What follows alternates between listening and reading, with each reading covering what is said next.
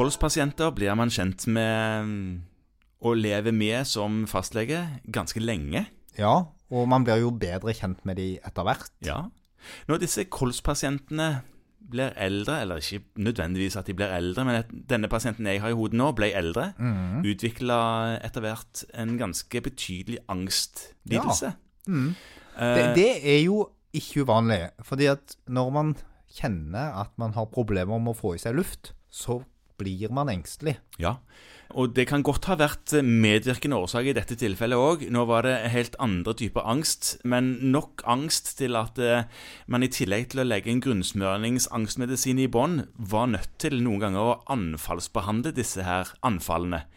Og mm. da ble det litt problem noen ganger. Skulle en velge at pasienten hadde angst, eller skulle en velge at pasienten pusta? Ja, ja. Tenker du nå på at noen av disse medisinene kan dempe pusten? Ja, nettopp. Ja. Mm. Jeg tenker på benzo og potensielt hemming av respirasjon. Ja.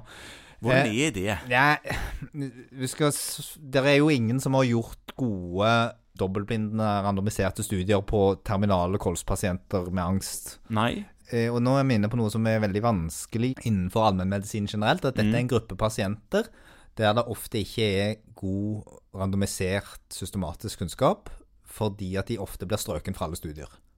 Ja, de ja. ekskluderer seg sjøl ja. i sin diagnose. Ja. Eh, nå, det er blitt bedre, hvis vi skal gli litt inn på det med forskning, men, men, det som vi vet, er at det er gjort en del studier på bruk av benzodiazepiner hos terminale pasienter i ulike faser, som er rene observasjonsstudier. Ja vel. Ut ifra en sånn tanke om at det er det oftere kreft og den typen ting. Eh, men der man har sett på hva skjer når vi gir de benzodiazepiner, i hvilken grad påvirker det respirasjonen. Og man har jo ofte vært bekymret i forhold til søvn, f.eks. når de sover. Demper det da respirasjonen så mye at de får pustestans og i verste fall dør av det. Ja. Og svaret på det, for å begynne på slutten, er at det gjør det ikke i vesentlig grad. Nei, det gjør ikke det, nei. Nei. Så benzodiazepiner alene viser ikke å ha så stor respirasjonsdempende effekt at du trenger å legge vesentlig vekt på det til heller denne pasientgruppen. Ok. Det som du skal være veldig obs på, er hvis du velger å blande det med opiater. Ja, velger å blande. Ja, jeg, man prøver jo å unngå akkurat det der. Ja, men mange av de kreftpasientene er jo det veldig vanlig at de har både opiater og benzodiazepiner. Og da kan du få en veldig potensering av den respirasjonsdempende effekten. Ja, Og da kan, da kan, det bli et problem? Absolutt kan bli et problem. Men har, har du kols og er engstelig, så er det faktisk en del ting i, i den dokumentasjonen som vi har sett på, som tyder på at da er det å ha angst, å være engstelig, ja. eh, vel så drivende for pusteproblemene som de problemene du får ved å gi litt angstdempende medikasjon. Ja. For når du blir engstelig, så girer ja. du deg litt opp. Du puster overfladisk. Mm -hmm. eh, litt fort. Hyperventilerer litt, ja.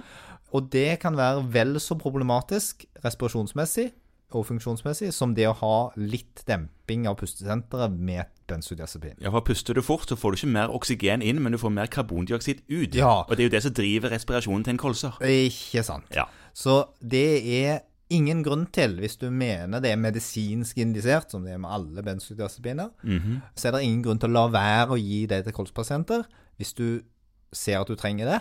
Du trenger i hvert fall ikke være redd for pusten. Den skal du behandle så godt som du kan med vanlige kolsmedisiner.